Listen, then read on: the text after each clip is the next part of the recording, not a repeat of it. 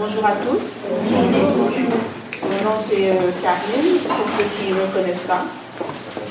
Je suis euh, extrêmement contente d'être avec vous. Et pour moi, c'est très particulier euh, ce Jaffa, parce que c'est la première fois où je participe à Jaffa sans être dans Jaffa.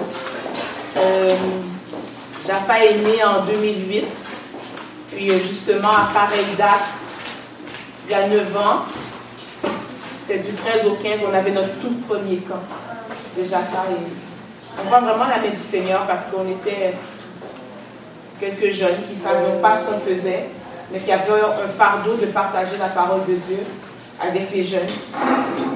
Puis, euh, neuf ans plus tard, Jaffa existe encore et le Seigneur a suscité une relève.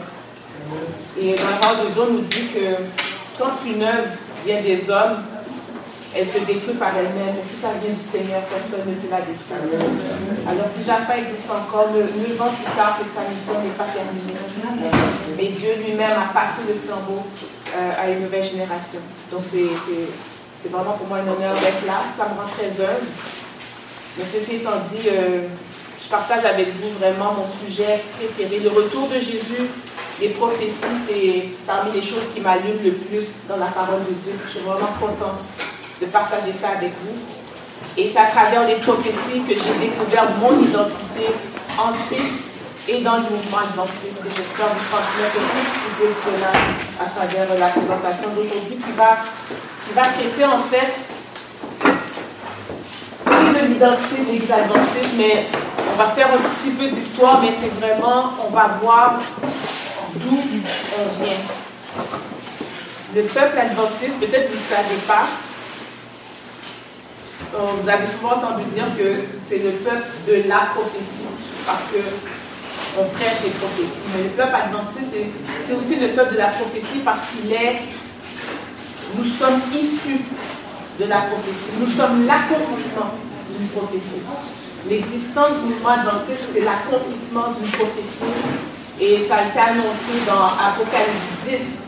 C'est là où le mouvement adventiste est on prophétise son existence. Mais notre origine, où le mouvement adventiste a pris naissance, c'est dans le livre de Daniel 8 qu'on va étudier ce matin. Mais juste avant, on va prier. Je vous invite à incliner la tête avec moi. On va demander la, présence du Saint-Esprit. Père éternel, nous te disons merci que nous ne sommes pas le fruit du hasard de l'évolution les enfants de Dieu sont le résultat d'un plan bien structuré, bien planifié. Et Seigneur, cette histoire de l'humanité touche bientôt à sa fin. Tu nous as envoyé des messages, non pour que nous soyons dans la crainte, dans le sens de la peur, mais dans l'assurance que notre salut est assuré en Jésus. Alors que nous allons étudier, Seigneur, ce que les pionniers ont étudié, alors que nous allons étudier le point de départ de, ce, de cette Église du reste. Il y a tellement de choses à dire, Seigneur. Trie toi-même l'information et qu'elle soit claire. Et que nous ressortions de ce moment avec cette conviction que nous ne sommes pas le résultat de la pensée, de l'imagination, de la sagesse des hommes, mais la manifestation de la volonté de Dieu. Et c'est au nom et par les mérites de Jésus que nous t'avons prié. Donc, il y a tellement de choses à dire. Comme Jean-Michel, je ne pense pas que j'aurai le temps de passer à travers tout, mais je vais faire de mon mieux. Je vous invite à ouvrir la parole de Dieu dans Daniel 8. C'est grâce à Daniel qu'on existe aujourd'hui.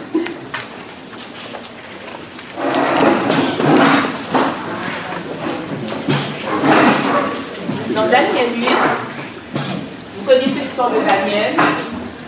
Il est un captif à Babylone et Dieu va l'utiliser avec puissance. Il va lui donner des visions qui annoncent les temps dans lesquels nous sommes aujourd'hui. Et au verset 1, on nous dit La troisième année du règne du roi Belshazzar, moi, Daniel, j'eus une vision. Outre celle que j'avais eue précédemment. Donc Belshazzar est le petit-fils de Nebuchadnezzar. Il lui a succédé au trône. Donc Daniel a été là pendant les années du règne de Nebuchadnezzar. Un descendant de Nebuchadnezzar prend, prend la relève et c'est pendant son règne que Daniel dit qu'il a une vision outre celle que j'avais eue précédemment.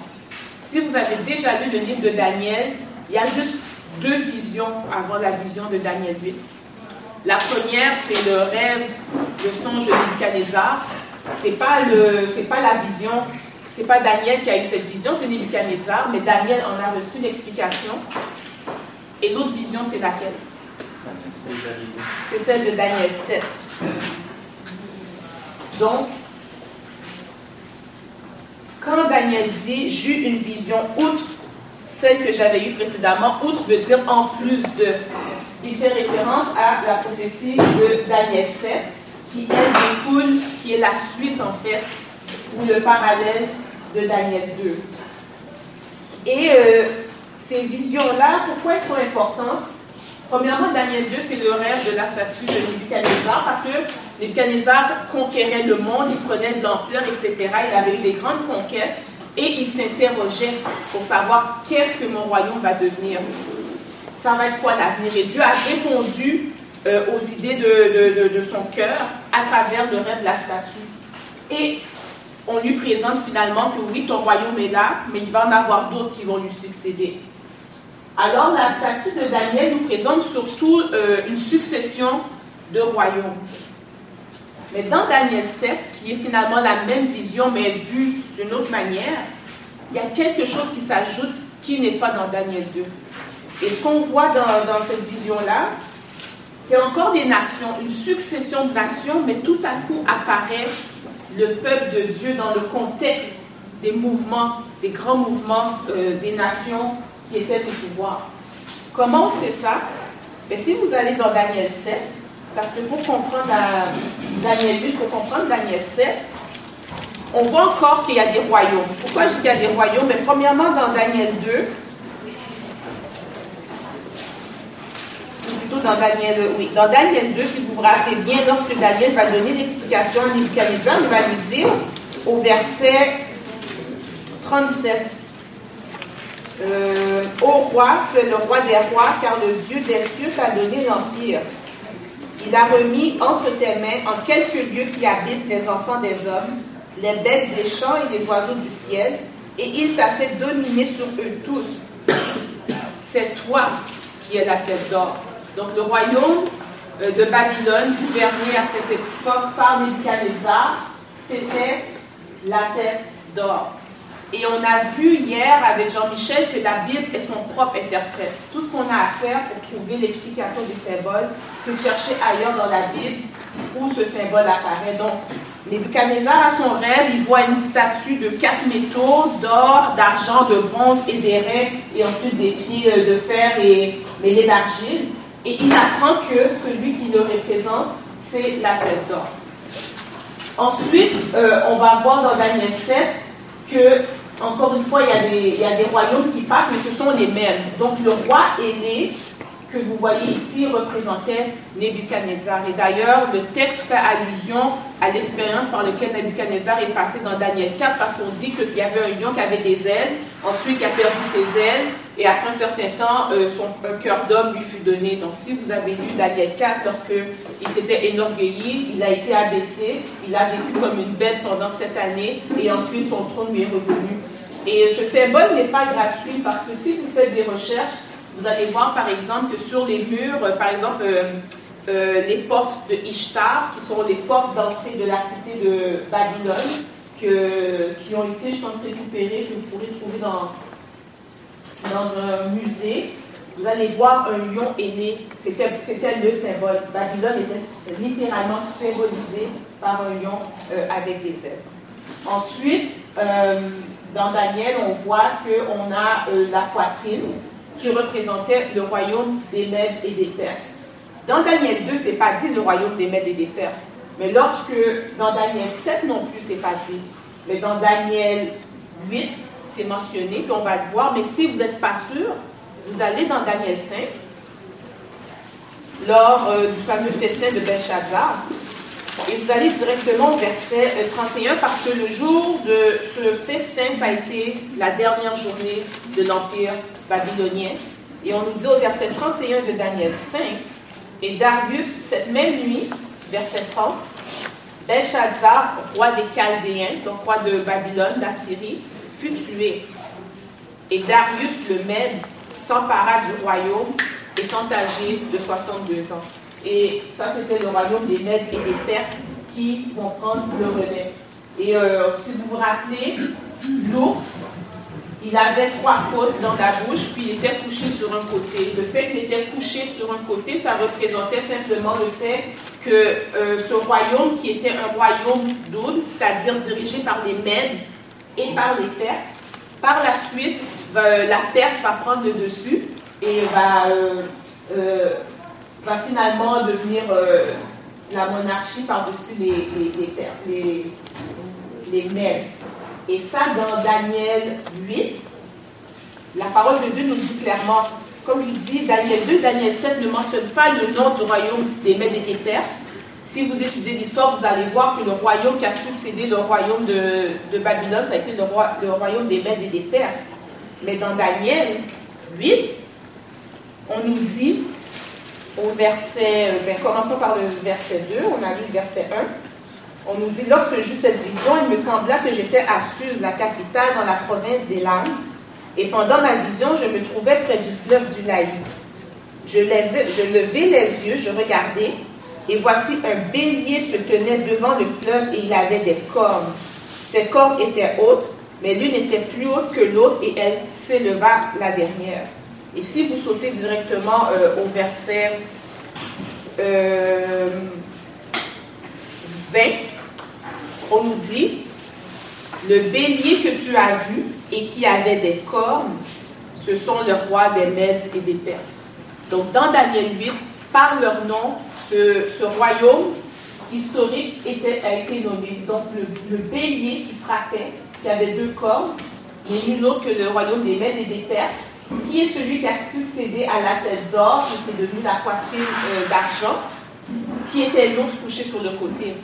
Et on spécifie que le bouc avait deux cornes, mais qu'une des cornes était plus haute que l'autre et elle s'éleva la dernière. Ça représente le moment où la Perse va prendre le dessus sur les Mèdes et va dominer.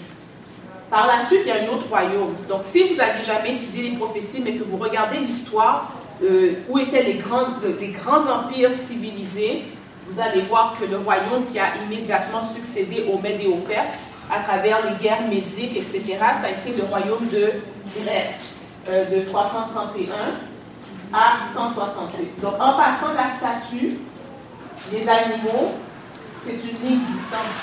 C'est comment les nations, se, les nations principales qui vont avoir une influence sur le peuple de Dieu se défilent. Et encore une fois, ils sont nommés par son nom. On l'appelle le roi de Javan dans Daniel 8. On nous dit dans les versets, euh, à partir du verset 7, euh, non, au verset 5, comme je regardais attentivement, voici un bouc venait de l'Occident. Il parcourait toute la terre à sa surface sans la toucher. Ce bouc avait une grande corne entre les yeux.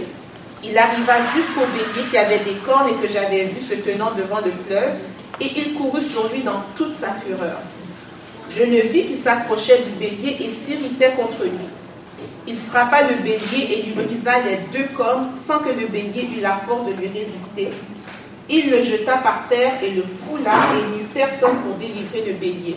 Donc ça, ça représente euh, la façon fulgurante avec laquelle le royaume de Grèce a dominé sur le, royaume perse à travers les conquêtes d'Alexandre le Grand. Et c'est pour ça que le bouc courait tellement vite qu'il ne touchait même pas la surface de la terre. C'est ce que le verset nous dit.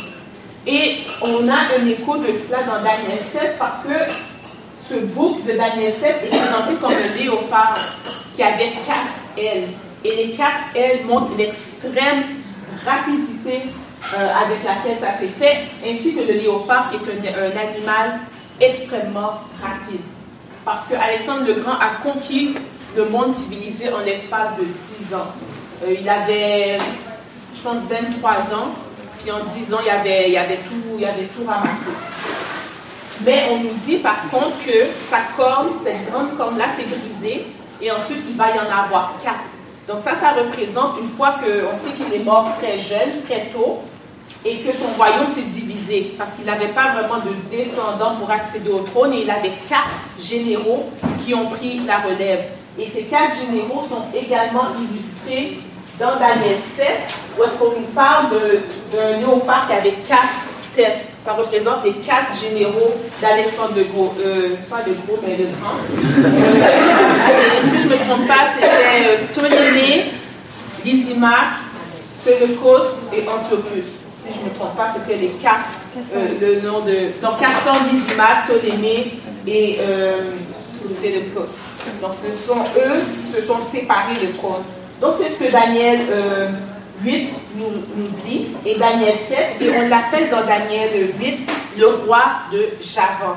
Parce qu'on nous dit, le bouc, c'est le roi de Javan. Et si vous faites une recherche euh, et vous retournez à l'époque de Noé, Noé a eu trois fils.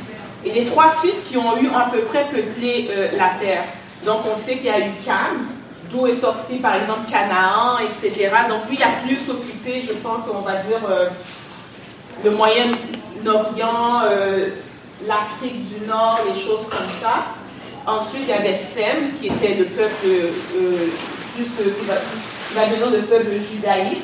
Et il y avait Japheth. Et Japheth, si vous lisez ses, descendants, il y avait Javan. Donc Javan, c'est ceux qui ont vraiment peuplé plus l'Europe, la Grèce, etc. Alors, ce bouc-là, qui courait dans toute sa fureur et qui a frappé le bélier, c'est le royaume euh, de, de la Grèce.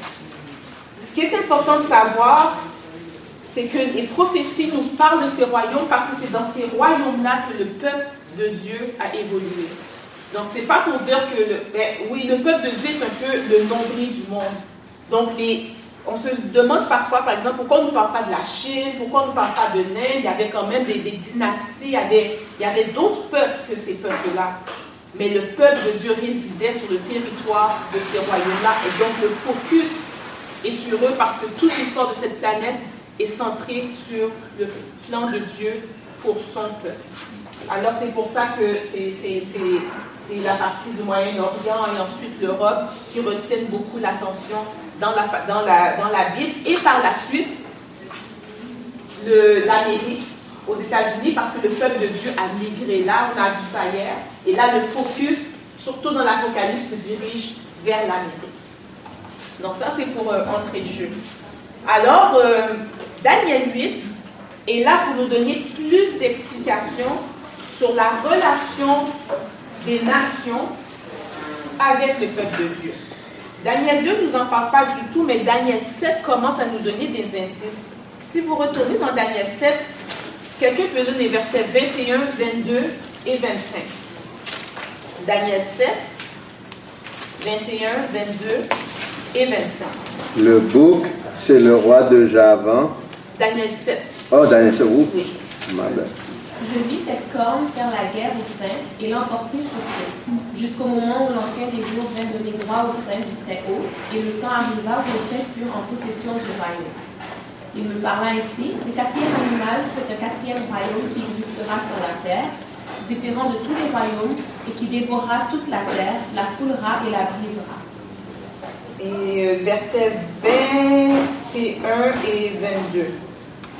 Du chapitre 8 euh, 7. C'est ce qu'on vient de lire. Et verset 25. Il prononcera des paroles contre le Très-Haut il opprimera les saints du Très-Haut et il espérera changer le temps et la loi, et les saints seront livrés entre ses mains pendant un temps, des temps et la moitié d'un temps. Donc, euh, quand on était dans Daniel 2, c'était la statue de Nebuchadnezzar, c'était le songe de Nebuchadnezzar parce qu'il se demandait qu'est-ce qui allait lui arriver. Alors le Seigneur lui a fait savoir, ben, tu es la tête d'or, je t'ai donné la domination, mais tu vas passer. Donc le Seigneur lui a expliqué son avenir. Il n'a pas accepté. Puis il a répliqué avec une statue en or des pieds à la tête pour dire non, mon royaume ne va pas passer, je serai éternel. Mais dans Daniel 7, c'est Daniel qui reçoit la vision parce que ça concerne son peuple, son histoire. Et on voit que justement, dans l'histoire des nations, des gouvernements, ils vont jouer un rôle par rapport au peuple de Daniel, mais ça va être principalement un rôle de, avec ce qu'on a lu, de persécution. Et ce n'est pas une persécution juste. En fait, le peuple de Dieu, c'est lui qui reçoit la persécution. Mais on voit que l'attaque est contre Dieu lui-même. Parce qu'on a dit dans le verset 25, euh, il prononcera des paroles contre qui? Contre le Très-Haut. Donc, derrière l'histoire de cette humanité, il y a cette fameuse expression que vous connaissez, la grande controverse, le conflit cosmique. Donc, entre les nations qui sont sous l'emprise de Satan et le peuple de Dieu qui marche avec Dieu, il y a la guerre entre Michel et ses anges et entre les dragons et ses anges. Donc, la guerre qui a commencé dans le ciel, on est impliqué là-dedans, nous aussi. Et le Seigneur voulait nous faire savoir qu'est-ce qui va se passer, dépendamment du temps qu'on choisit. On avait vu ça un peu hier. Et donc, Daniel nous dit que la troisième année de Belshazzar, j'eus une autre vision outre celle que j'avais eue précédemment. Donc, outre cette vision-là, qui, qui l'avait beaucoup troublé parce qu'il avait découvert que le peuple de Dieu va souffrir. Et mettez-vous dans la peau de Daniel, parce que Daniel est un captif. Daniel a vu Nebuchadnezzar arriver. Il a fait partie de la première vague de déportation. Il s'est ramassé à Babylone.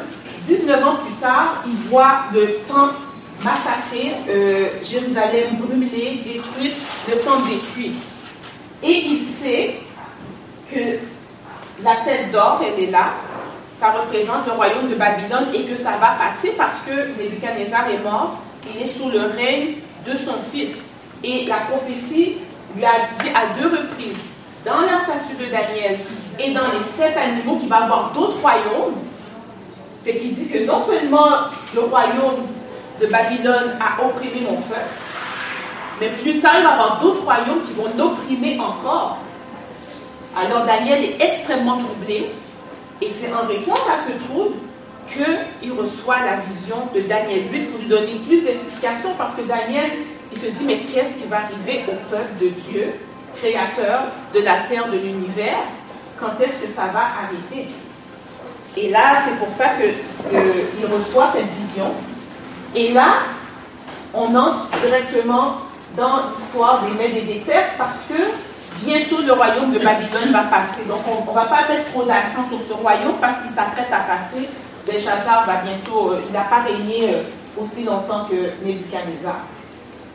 Maintenant, si on retourne dans Daniel 8, on a vu dans Daniel 7 qu'à un moment donné, oui, on voit les royaumes se succéder, 1, 2, 3, 4, mais que tout à coup, ces royaumes-là, particulièrement le quatrième, a une incidence sur son peuple. Et c'est la même chose qui arrive dans Daniel 8. Les versets 1 à 8 montrent des nations qui se battent entre elles pour le pouvoir. Mais tout à coup, au verset 9, il y a un y a une transition parce que le peuple de Dieu arrive en scène. Est-ce que quelqu'un veut lire le verset 9 De l'une d'elles sortit une petite corne qui s'agrandit beaucoup vers le midi, vers l'Orient et vers le plus beau des pays. Donc ça, c'est le verset où le peuple de Dieu entre en scène. Qui peut me dire comment je sais que le peuple de Dieu entre en scène dans le verset 9 Qui n'est pas Jean-Michel? Parce qu'on a étudié ensemble, mais je sais que tu connais la réponse. Hein? Dans le verset 9. Dans le plus beau des pays. Tu veux élaborer un peu? Alors, je vous invite à aller avec moi. Quelqu'un veut lire pour moi Ézéchiel 20,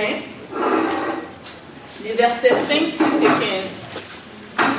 Pendant que vous cherchez, je relis pour vous Daniel 9. De l'une d'elles sortit une petite corne qui s'agrandit beaucoup vers le midi, vers l'Orient, vers le du pays. Le midi, on comprend, l'Orient, on comprend parce que quand euh, euh, les conquêtes se sont faites, euh, même après que le Alexandre le Grand était décédé, ses généraux ont pris le dessus, mais de ces quatre généraux, il y en a comme deux qui vont euh, se polariser, et je pense que ce sont les Ptolémées et les Séleucides qui vont finalement dominer un petit peu le monde, ça, ça explique les territoires qu'ils ont pris. Un va prendre plus les territoires du sud, et un autre va prendre plus les territoires de l'Orient. Mais le plus beau des pays, c'est quoi? Qui peut lire Ézéchiel 20, versets 5, 6 et 15 Tu leur diras, ainsi parle le Seigneur l'Éternel, le jour où je choisis Israël, je levé ma main vers la prospérité de la maison de Jacob, et je me suis fait connaître à eux dans le pays d'Égypte. J'ai levé ma main vers eux en disant, je suis l'Éternel, votre Dieu. En ce jour-là, j'ai levé ma main vers eux pour les faire passer du pays d'Égypte, dans un pays que j'avais chargé pour eux, pays où coule le lait et le miel, le plus beau de tous les pays. Verset 15 dans le désert, je levai ma main vers eux pour ne pas les conduire dans le pays que je leur avais destiné, pays où coule le lait et le miel, le plus de tous les pays. Donc, encore une fois, la Bible se décode elle-même.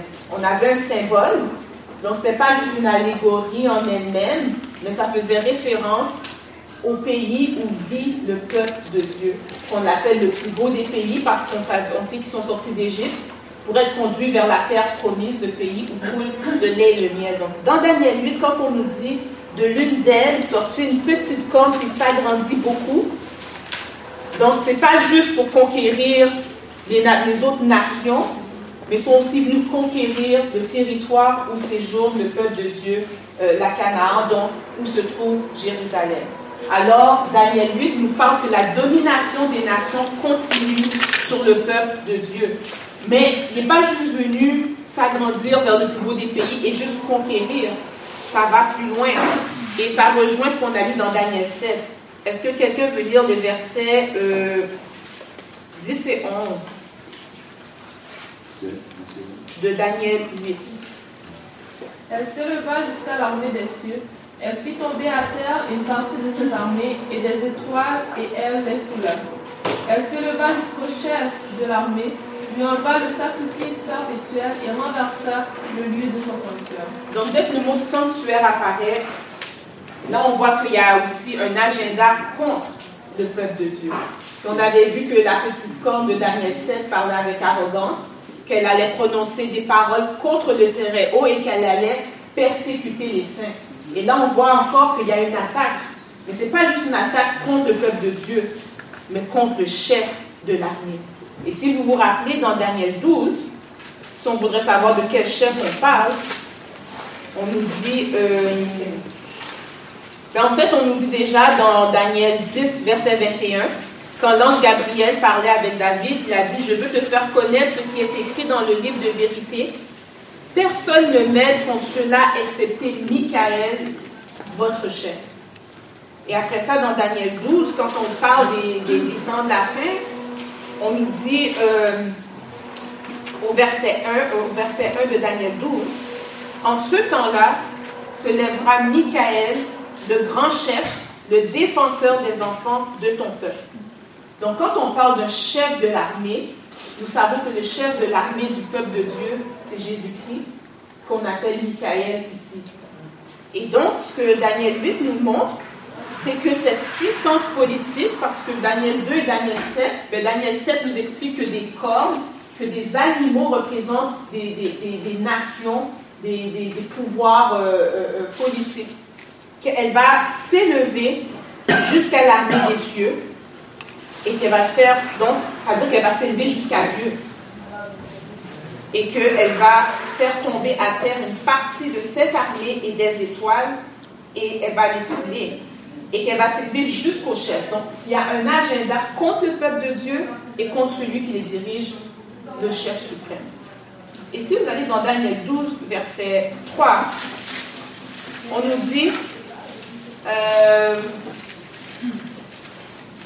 on nous dit ceci, ceux qui auront été intelligents brilleront comme la splendeur du ciel et ceux qui auront enseigné la justice à la multitude brilleront comme des étoiles à perpétuité.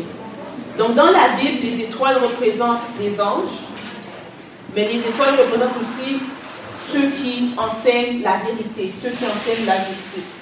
Donc, euh, on sait que euh, le, nom pour les anges, c'est angelos qui veut dire messager. Donc, ceux qui annoncent la justice, ceux qui annoncent euh, la parole de Dieu sont comparés à des étoiles.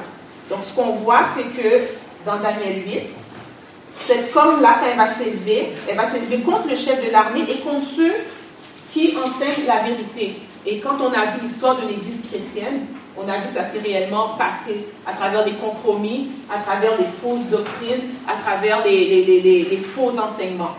La, la, vérité a été jetée par terre pendant une très longue période.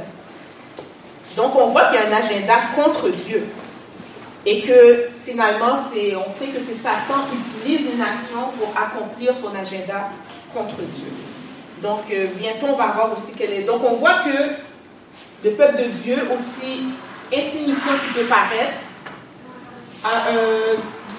joue un rôle majeur dans l'histoire de cette humanité, même si tout le monde rejette Dieu au moment. Donc vous n'êtes pas n'importe qui, vous n'êtes pas n'importe où, vous devez savoir dans quoi vous êtes embarqué. C'est pas léger, c'est pas gratuit. Alors, euh, c'est ce que je voulais vous dire. Ensuite, là, on parle d'enlever un sacrifice et de renverser le lieu de son sanctuaire. Donc là, on a du langage de sanctuaire directement. Vous savez que le sanctuaire a commencé sur la terre euh, dans le désert. Le Seigneur a dit dans euh, Exode 25, verset 8, ils me, feront un sanctuaire et j'habiterai au milieu d'eux. Donc le sanctuaire était là pour recevoir la présence de Dieu parmi son peuple.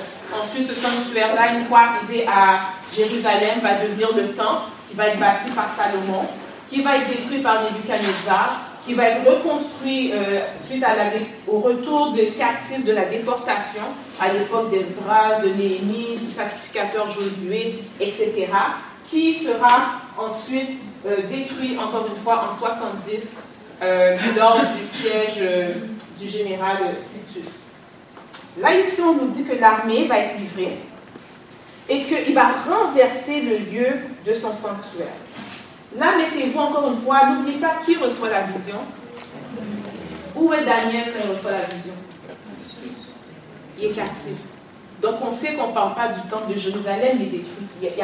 au moment où Daniel reçoit la vision, il n'y a pas de temple qui existe. Donc Daniel, mettez-vous, ça passe, il dit, le temple est détruit. De quoi il parle Alors Daniel sait tout de suite que c'est des choses qui viennent dans l'avenir. Et là, Daniel est en train de découvrir qu'il y a un temple va être encore saccagé. Donc, vous pouvez imaginer comment il se sentait. Et il voulait en savoir plus.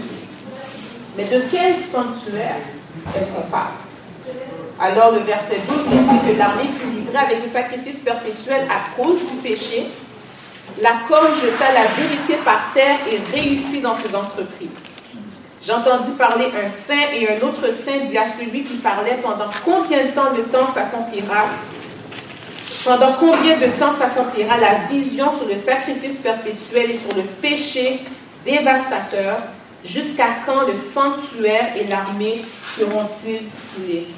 Pour comprendre un peu mieux ces versets, et aujourd'hui, je n'ai pas l'ambition d'expliquer la prophétie des 2300 soirées matin, mais de juste comprendre dans quel contexte nous, on arrive là-dedans. Mais pour comprendre ces versets, il faut juste étudier ce qui a été fait, il n'y a rien de nouveau sous le soleil. Donc on nous parle d'un péché dévastateur et d'un sanctuaire qui a été foulé. Donc, où dans l'histoire est-ce qu'on a une, histoire qui s'est passée, qu'il y a eu un sanctuaire qui a été dévasté, foulé, et que la vérité a été jetée par terre?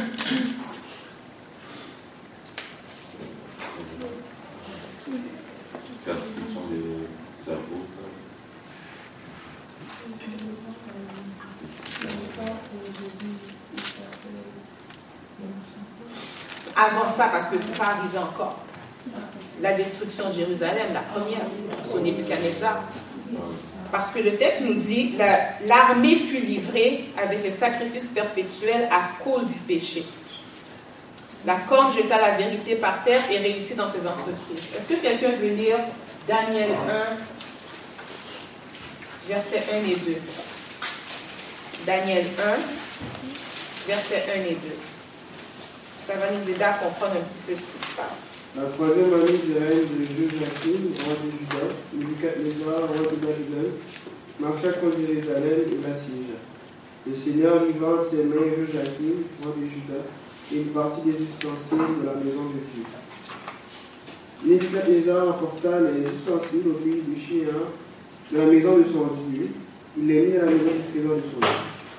Donc ici, on découvre que Joachim se ramasse en captivité parce que le Seigneur l'a livré. Si on va dans 2 Chroniques 36, on va comprendre pourquoi Jérusalem a été livré. Si on peut comprendre pourquoi Jérusalem a été livré la première fois, ça va nous aider à comprendre pourquoi ça arrive encore. Parce qu'on nous dit que l'armée fut livrée à cause du péché. Dans 2 Chroniques 36, 14 à 21. Puis les chefs des sacrificateurs et le peuple multiplièrent aussi les transgressions selon toutes les les abominations des nations. Ils profanèrent la maison de l'Éternel qui avait sanctifié Jérusalem. L'Éternel, le Dieu de leur père, donna de bonheur à ses employés la mission de les avertir car il voulait parmi son peuple et sa propre demeure. 21. Mais ils se moquèrent des envoyés de Dieu. Ils méprisèrent ses paroles et ils se raillèrent de, ses prophètes jusqu'à ce que la colère de l'Éternel contre son peuple devienne sans remède. Alors l'Éternel fit monter contre eux le roi des Chaldéens et tua par l'épée leurs jeunes gens dans la maison de leur sanctuaire. Il n'épargna ni le jeune homme, ni la jeune fille, ni le vieillard, ni l'homme aux cheveux blancs, et livra tout entre ses mains. Nebuchadnezzar emporta à Babylone tous les ustensiles de la maison de Dieu, grands et petits, les trésors de la maison de l'Éternel et les trésors du roi de ses chefs.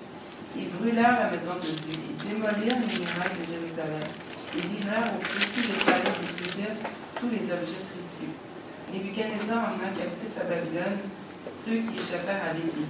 Ils lui firent assujettis, à lui et à ses fils, jusqu'à la domination du royaume des afin que s'accomplisse la parole de l'Éternel prononcée par la bouche de Jérémie, jusqu'à ce que le pays ne jouit de ses sabbats. Il se reposa tout le temps qu'il fut dévasté jusqu'à l'accomplissement de 70 ans. Donc la première fois, Jérusalem est tombée parce que le peuple s'était tellement éloigné de Dieu. On nous dit jusqu'à ce que la colère de Dieu soit sans remède. Et le Seigneur a fait une purification de Jérusalem en envoyant tout Israël en captivité. Et ils ont été là pendant 70 ans. Alors le péché dévastateur, Jérusalem a été dévasté et est resté dévasté pendant 70 ans, jusqu'à ce que le peuple a, purgé son juste à peine et a pu revenir et reconstruire. Et dans une certaine mesure, c'est ce qui se passe dans Daniel encore une fois on a vu comment l'Église qui a commencé pure a commencé à se compromettre, se compromettre, se compromettre. Alors à ce moment-là, le Seigneur fait qu'on ne peut pas résister devant les nations, on peut pas, les, les, nations nous oppriment. Quand on voit que les nations oppriment le peuple de Dieu, ce n'est pas toujours le cas. Des fois, c'est soit parce que tu es fidèle, soit parce que tu es infidèle. Et dans ce cas-ci, on nous parle d'un sanctuaire qui, pendant 2300 soirs et matins, euh, foulé à cause du péché. Mais de quel sanctuaire on parle? On sait que ce n'est pas le sanctuaire de l'époque de Daniel, il est détruit. On sait aussi que ces 2300 soirs et matins ne peuvent pas être 2300 soirs et matins littéraux. Pourquoi? Parce que si c'était 2300 soirs et matins littéraux, ça donne l'équivalent de 6 ans et demi. Si on parle du, si on ajoute 6 ans et demi à peu près, euh, dans cette époque-là, euh, ça nous amène encore sous le règne euh, de, soit de, Babylone ou des Mèdes et des Perses. Et le temple n'a pas été reconstruit avant très très longtemps. Il n'a pas été construit. Donc, les six ans et demi ne tombent pas dans le moment où le temple de Jérusalem a été reconstruit, même après la captivité. Et en plus, le texte nous dit plus tard que c'est une vision qui se rapporte à des temps éloignés, des temps qui seront la fin. Alors de quel sanctuaire il s'agit? Et c'est là qu'on voit justement que ce n'était pas un sanctuaire qui est sur la terre, mais le sanctuaire qui est dans le ciel. Et de la même manière que les péchés d'Israël souillaient le sanctuaire terrestre, nos péchés souillent le sanctuaire. Et quand je dis les péchés, c'est les péchés du peuple de Dieu. Parce qu'il y a un temps pour le jugement du, peuple de Dieu, c'est-à-dire tous ceux qui se sont réclamés d'être chrétiens, d'avoir cru en Dieu, et il y a un temps pour le jugement des nations. Et ça, vous allez voir ça dans l'histoire. Dieu, euh, l'apôtre Pierre nous dit, c'est le moment où le jugement va commencer par la maison de Dieu. Et on nous dit, et si le juste se sauve avec peine, qu'arrivera-t-il à ceux qui n'obéissent pas à l'évangile? Et c'est toujours comme ça. Dieu juge son peuple d'abord. Donc le peuple de Dieu pêche, Dieu l'envoie en captivité. Mais après, il va juger Babylone. La même chose encore, quand les Juifs ont rejeté Jésus, Jérusalem a été détruite. Mais après ça, 400 ans plus tard, l'Empire romain va chuter. Dieu va juger la nation à travers les, les invasions barbares. Donc il y a toujours un jugement en deux temps. Le jugement du peuple de Dieu et ensuite le jugement des nations. La raison pourquoi je dis encore une fois que c'est le jugement du peuple de Dieu, si vous vous rappelez le sanctuaire, le sanctuaire c'était pour les païens ou pour les croyants Parce que pour être dans le système du sanctuaire, tu devais amener ton agneau pour le sacrifice. Il n'y a que ceux qui croient pour venir faire ce sacrifice. Alors quand on dit 2300 soirs et matin, puis le sanctuaire sera purifié, c'est purifié de vos péchés, de mes péchés. Depuis Adam jusqu'à la fin du jugement. Donc ça, c'est très important euh, de savoir ça. Ensuite, c'est à ce moment-là aussi qu'entre en scène le mouvement adventiste. Parce que ce qu'on nous dit dans Daniel 8, on va premièrement donner la, la date prophétique, mais l'ange Gabriel va dire à Daniel, au verset 26, et la vision des soirs et des matins dont il s'agit est véritable. Pour toi tient secrète cette vision, car elle se rapporte à des temps éloignés. Un peu plus il avait dit un temps qui sera la fin. Fait qu'il dit, tiens secrète cette vision des soirs et des matins. Puis plus loin dans Daniel 12, il va dire scelle le livre jusqu'au temps de la fin. Alors plusieurs le liront et la connaissance augmentera. Donc, la prophétie des 2300 soirs et matins était pour des temps éloignés, pour les temps de la fin. Euh, parce que le livre de Daniel en lui-même n'était pas scellé dans son ensemble. Daniel 1, Daniel 2, Daniel 3, Daniel 4, Daniel 5, Daniel 6 et même Daniel 7, c'était pas scellé. On savait que représentaient les royaumes, etc. Mais la seule chose que Daniel ne comprenait pas, c'est les 2300 soirs et matins. Et justement, on avait vu les cinq premières églises.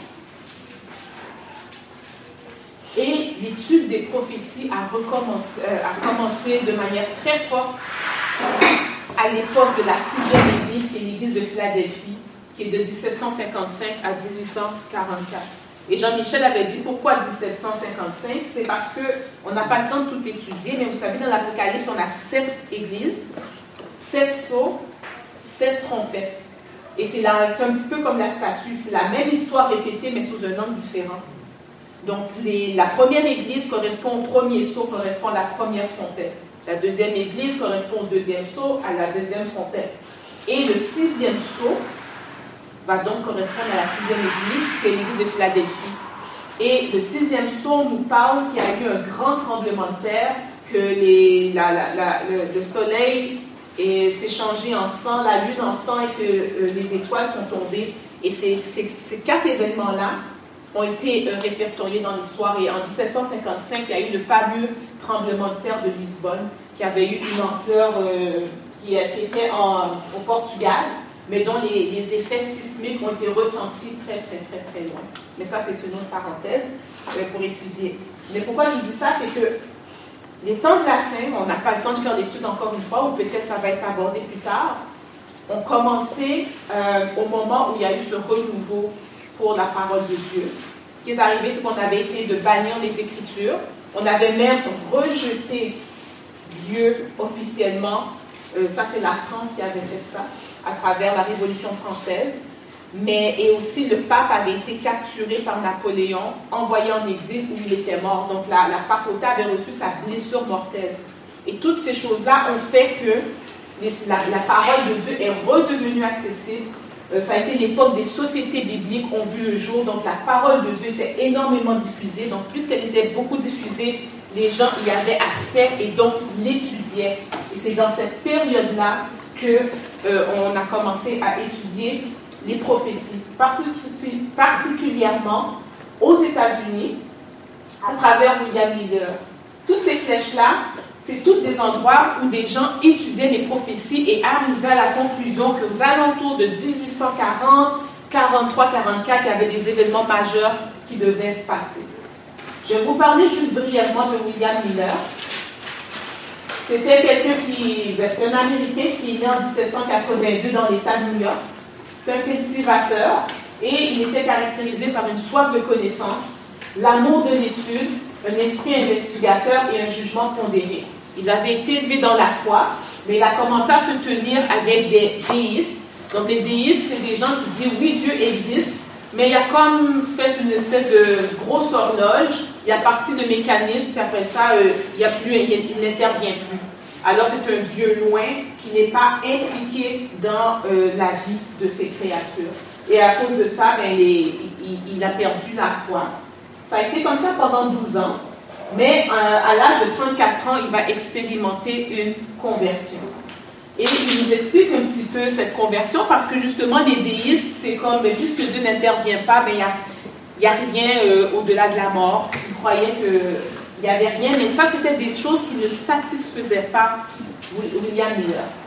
Il disait que la perspective de l'anéantissement avait pour moi quelque chose de lugubre et de glacial, tandis que celle d'un jugement futur équivalait à la perdition certaine de tous les hommes. Le ciel était d'airain au-dessus de ma tête, la terre de fer sous mes pas, qu'était-ce que l'éternité? Pourquoi la mort régnait-elle? Plus je raisonnais, plus je voyais s'éloigner les solutions. Plus je réfléchissais, plus mes idées étaient confuses. Je tentais de ne plus y penser, mais j'en étais pas capable. Aussi étais-je vraiment malheureux, mais sans savoir pourquoi, je murmurais sans savoir contre qui. Je discernais le mal, mais je ne savais ni où ni comment trouver le bien. J'étais désolé et désespéré. Et c'est dans cet état de désespoir qu'il va avoir une illumination. Il va dire soudain, la pensée d'un sauveur se présenta vivement à mon esprit. Il me sembla comprendre qu'il existait un être assez bon et compatissant pour faire lui-même l'expiation de nos transgressions et porter la peine de nos péchés. Je sentis aussitôt combien un tel être serait aimable, et il me parut que je pourrais sans hésitation me jeter dans ses bras et me confier dans sa miséricorde. Et là, c'est là que ça devient important, constatant d'ailleurs qu'en dehors des Saintes Écritures, je ne trouverai aucune preuve ni de l'existence de Dieu, de ce Sauveur, ni de sa vie à venir, j'en commençais l'étude. Donc c'est suite à cette conversion, il a dit, il n'y a rien dans le monde qui me parle de Dieu que la Bible laisse pas l'étudier. Et il a commencé à l'étudier. Alors il va vers 1816, il va commencer à l'étudier méthodiquement. Il va l'étudier pendant deux ans de manière suivie. Et sa méthode, c'est qu'il prenait et il comparait les textes les uns après les autres. Il ne passait pas à un autre passage jusqu'à ce que le passage ait été clair. Ce qu'il faisait, quand il arrivait un passage qu'il ne comprenait pas, il lisait tous les passages dans la Bible qui traitaient du même sujet jusqu'à ce que les textes se réconcilient ensemble. Quand il avait réglé ça, il passait à un autre euh, passage. Et c'est en étudiant la Bible que son intérêt pour... Euh, ben, il va premièrement découvrir le retour de Jésus, que la Bible parle du retour de Jésus, que la croyance populaire de l'époque qu'il y allait avoir un mille ans de paix qui allait précéder le retour de Jésus était faux, que la Bible n'enseignait pas qu'il allait avoir un temps de paix, mais plutôt un temps de trouble avant le retour de Jésus. Et de fil en aiguille, il commence à étudier sur le retour de Jésus et il étudie les livres de Daniel et de l'Apocalypse. Et il fait l'étude qu'on a faite ensemble. Et ensuite, il va euh, découvrir justement Daniel 8, 14. Parce qu'il dit, ben, puisque Jésus revient, il va purifier la terre. Et il y avait une croyance populaire selon laquelle la terre était le sanctuaire. Plutôt, je vous demandais de quel sanctuaire on parle.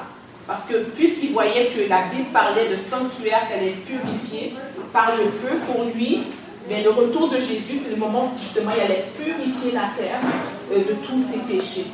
Donc nous savons qu'il avait bien interprété les dates, mais mal l'événement.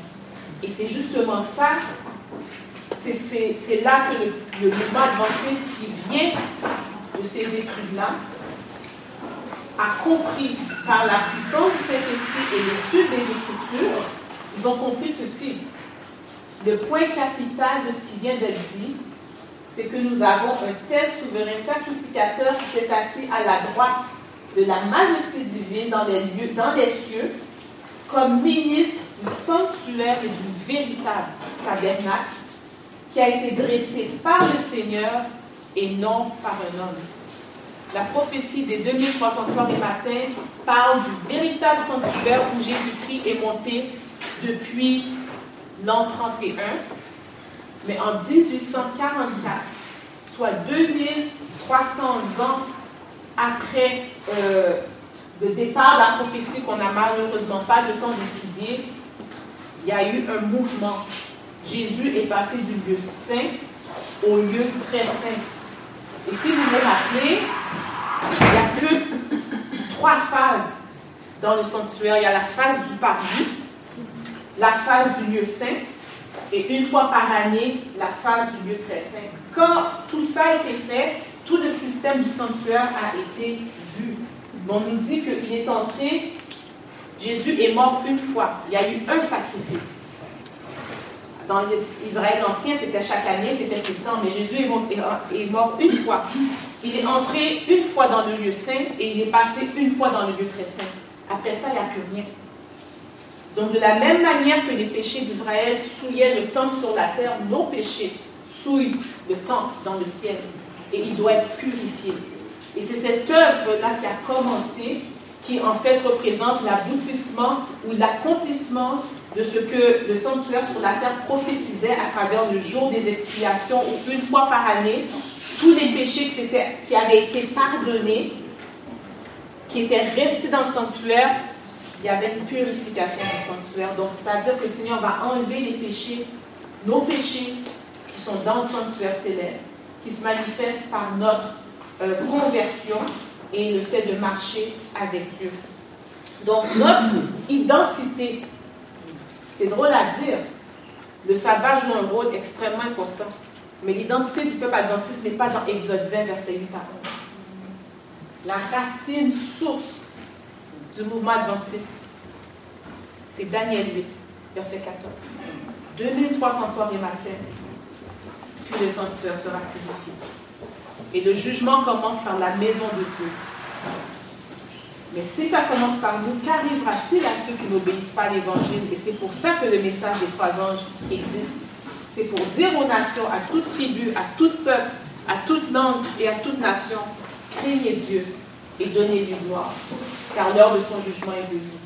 Et je vous dis que mieux vous faire partie du jugement du sanctuaire que du jugement pour la deuxième résurrection.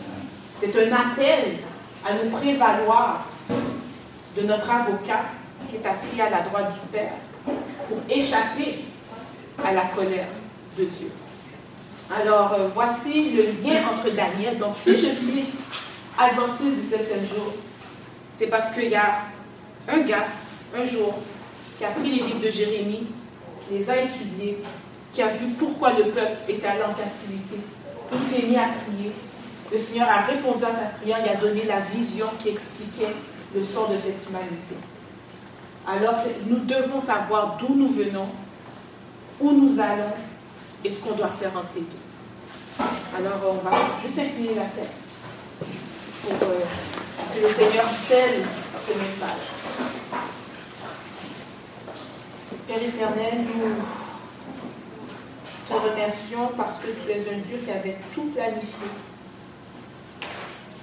Et Seigneur, c'est une pensée qui, fait beaucoup réfléchir de savoir que nous avons été suscités dans les derniers temps pour faire comprendre la réalité de savoir où est Jésus et ce qu'il fait présentement. Et tu es dans le sanctuaire céleste, faisant l'expiation finale des péchés pour tous les croyants. Il reste encore du temps pour que se joignent à ce groupe ces autres brebis qui t'appartiennent. Père éternel, le jour des expiations était un jour solennel. C'était un temps pour humilier nos âmes. Il fallait que celui qui venait confesse tous ses péchés afin de ne pas être retiré du camp. Mais la bonne nouvelle, c'est que le sang de l'agneau immolé sur l'autel était transporté dans le sanctuaire et que ce sang-là faisait l'expiation pour nos fautes et nos péchés. Nous voulons, Seigneur, que nos fautes et nos péchés soient expiés, pas pour qu'on se remette à pécher, mais pour qu'on soit semblable à toi. Père éternel, il y a encore tant de choses à dire, mais aide-nous à comprendre qu'on n'est pas un peuple ordinaire. Toute la fureur de l'ennemi est dirigée sur nous parce que nous voulons garder tes commandements, ta parole, et que le monde sache que tu existes et que ta parole est vraie. Garde-nous, bénis-nous, et qu'à travers ce temps, cette identité que nous sommes en train de, découvrir ou de redécouvrir nous pénètre davantage et nous fasse comprendre, Seigneur, la grande mission qui repose sur nos épaules, afin que chacun d'entre nous puissions trouver être fidèles dans ce à quoi nous avons été appelés personnellement et qu'à travers la vérité du sanctuaire, du mouvement adventiste, chacun découvre sa mission personnelle, le rôle qu'il a à jouer dans les derniers instants de l'humanité, dans la dernière église, dans le dernier saut, dans la dernière trompette, dans la dernière phase du ministère de Jésus-Christ pour l'humanité. Aide-nous à prendre cet appel solennel qui n'a pesé sur l'épaule d'aucun autre peuple ou aucun autre partie du peuple de Dieu dans aucun temps de tous les âges. C'est la fin. Merci Seigneur d'avoir